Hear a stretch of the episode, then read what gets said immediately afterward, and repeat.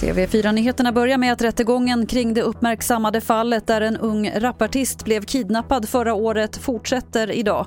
Det är en del i en större utredning där de flesta tillhör kriminella nätverk. En av de åtalade är artisten Yassin som misstänks för stämpling till människorov men som nekar till brott. Och han ska höras i rätten idag.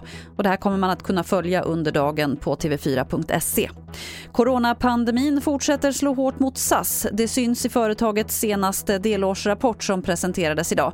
Den visar på en brakförlust på över 2,3 miljarder kronor för andra kvartalet. SAS tillförordnade vd konstaterar att återhämtningen för flygindustrin går långsammare än vad man hoppats på. Mer ledig tid och ett ökat sug efter nyheter gjorde att vi konsumerade medier som aldrig förr förra året. Enligt Mediebarometern från Göteborgs universitet lägger vi totalt sju timmar om dagen på tv, radio, tidningar och andra medier. Och det är en timme mer än tidigare.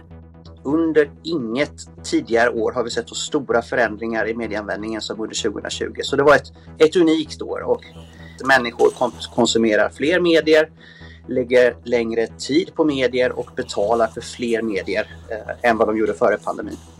Det sa Jonas Olsson som är medieforskare på Göteborgs universitet. Och det var det senaste från TV4 Nyheterna. Jag heter Lotta Wall.